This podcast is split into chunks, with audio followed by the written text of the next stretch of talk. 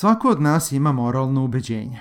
Ona nam obezbeđuju kompas u životu koji nam ukazuje na koji način da se odnosimo prema sebi i drugima. Moralno ubeđenja oblikuju naš karakter i kao takva su neophodna za napredak i za dostizanje lične sreće. Set moralnih ubeđenja koji posjedujemo se sastoji od onih za koja smo manje i ona za koje smo više vezani.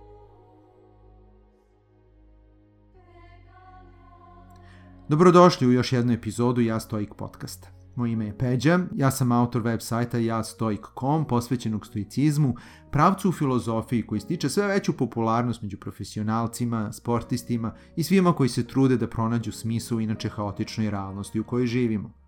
Danas govorimo o tome kako se formiraju moralni stavovi i kako da znamo da li su moralni stavovi koje zastupamo ispravni ili ne.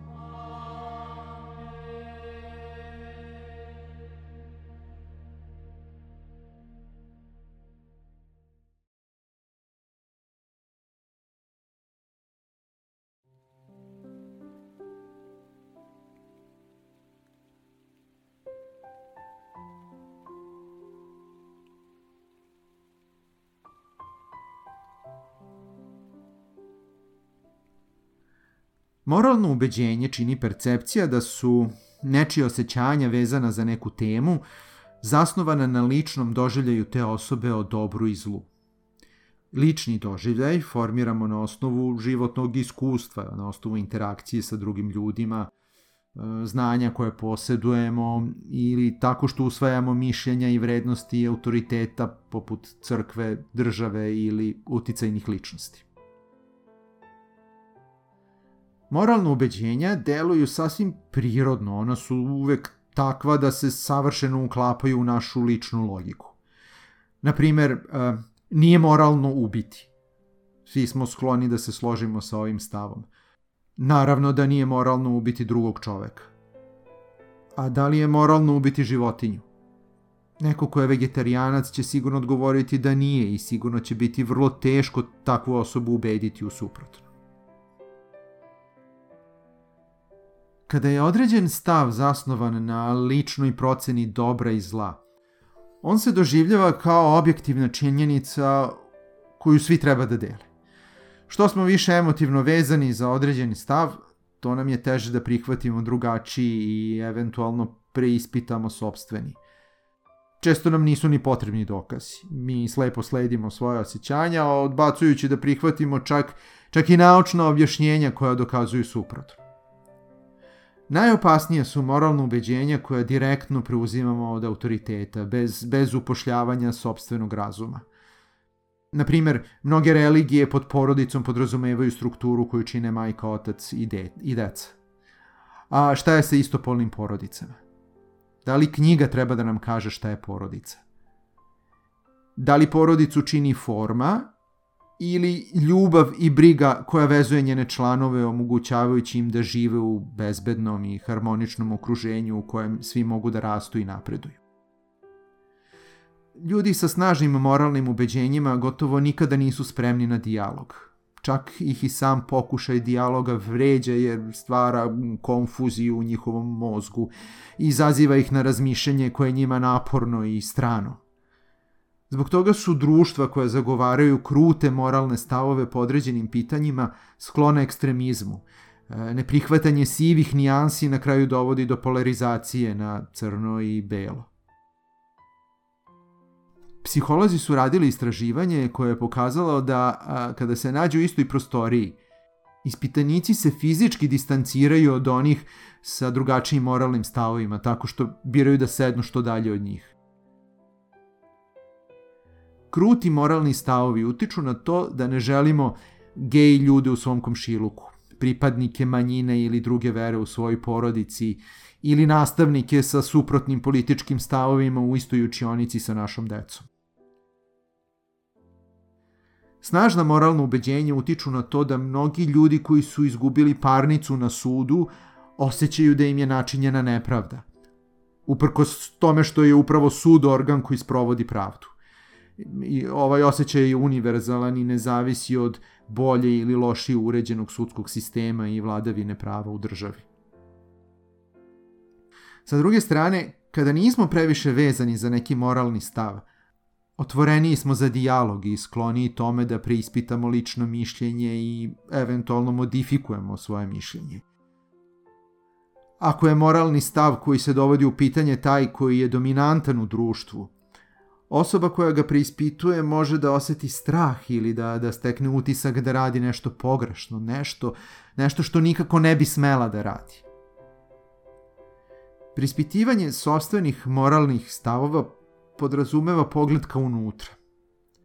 Latinska reč za savest bila je konšencija, kovanica od prefiksa kon, podeliti, i šencija, znanje. Konšencija je zapravo deljenje znanja sa samim sobom, koje nam omogućava da prispitujemo svoje moralne stavove. Adam Smith, filozof iz 18. veka koji se bavio moralom, ovako je to objasnio. Kada nastojim da preispitam svoje ponašanje, kada nastojim bilo da mu izreknem kaznu, da ga odobrim ili osudim, ja kao da se delim na dve osobe. Immanuel Kant, koji je živeo vek kasnije, takođe koristi metaforu udvostručenog ja, ali on zapravo opisuje ovaj proces kao dijalog tri ličnosti. Optuženog, tužioca i sudije. U unutrašnjem dijalogu tokom traganja za istinom mi stičemo uvide o dobru i zlu na osnovu kojih formiramo svoj konačni moralni sud. Šta su o ovome govorili antički stoici? Stoici insistiraju na sposobnosti ljudskog bića da koristi razum za upravljanjem sobstvenim mislima, emocijama i delima. Stoik je autonomno ljudsko biće kojem nije potreban zakon da mu kaže šta treba ili ne treba da čini.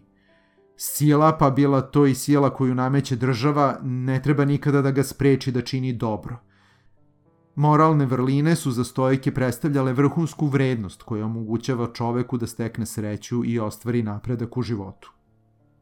Niko ne može osporiti stojicima da su bili ljudi od morala i integriteta i da su svojim razmišljanjima udarili temelj stvaranju boljeg i pravednijeg društva. Ipak, ne smemo da smetnemo sa uma činjenicu da su stojici živeli u vremenu u kojem je ropstvo, koje mi danas smatramo neprihvatljivim, bilo sasvim normalna stvar – Moralne norme se menjaju kako se ljudska civilizacija razvija i napreduje. Mnoge stvari koje su nekada bile neprihvatljive, poput uskraćivanja prava glasa ženama, danas čak i ne predstavljaju temu moralnih rasprava.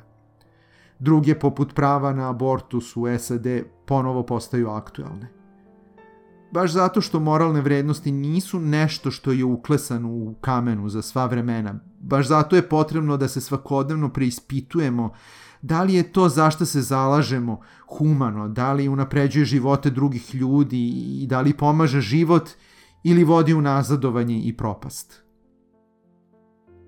Već sam napomenuo da kruti moralni stavovi vode u ekstremizam – U antici se paralelno sa stoicizmom razvijao i epikureanizam. Epikur je verovao da je najveće dobro tražiti skromna zadovoljstva i živeti spokojno, oslobođen straha i telesnog bola. Ovo se postiže poznavanjem funkcionisanja sveta i regulacijom sobstvenih želja. Da su danas aktualni kao nekada, stoici i epikureanci bi verovatno predstavljali dve suparničke škole, a njihovi različiti moralni pogledi bi možda uticali na formiranje ekstremnih stavova njihovih sledbenika. To u antici nije bio slučaj.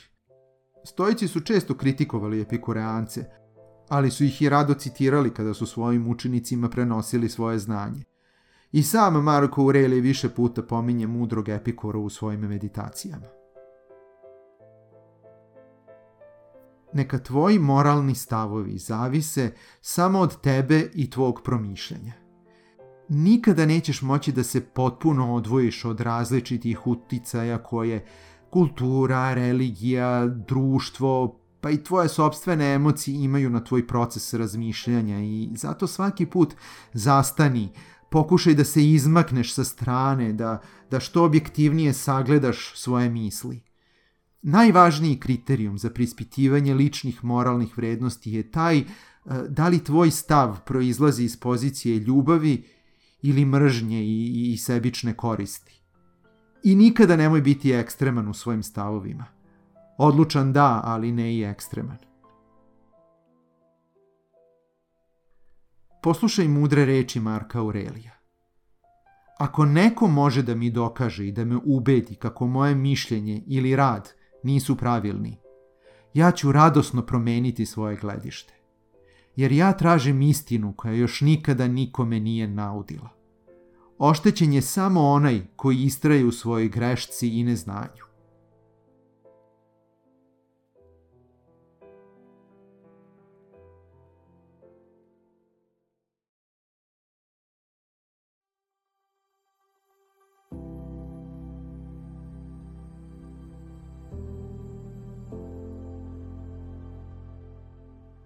Ako ti je ovo o čemu sam pričao bilo zanimljivo, pozivam te da zapratiš Ja Stoik podcast i ja.stoik profil na Instagramu kako bi imao pristup dodatnim sadržajima na temu stoicizma. Takođe, možeš da posetiš Ja Stoik website gde možeš besplatno da preuzmeš e-knjigu 50 stoičkih misli koje ti mogu poslužiti kao inspiracija i putokaz za svakodnevni život. Želim ti da mudro iskoristiš današnji dan. Carpe diem.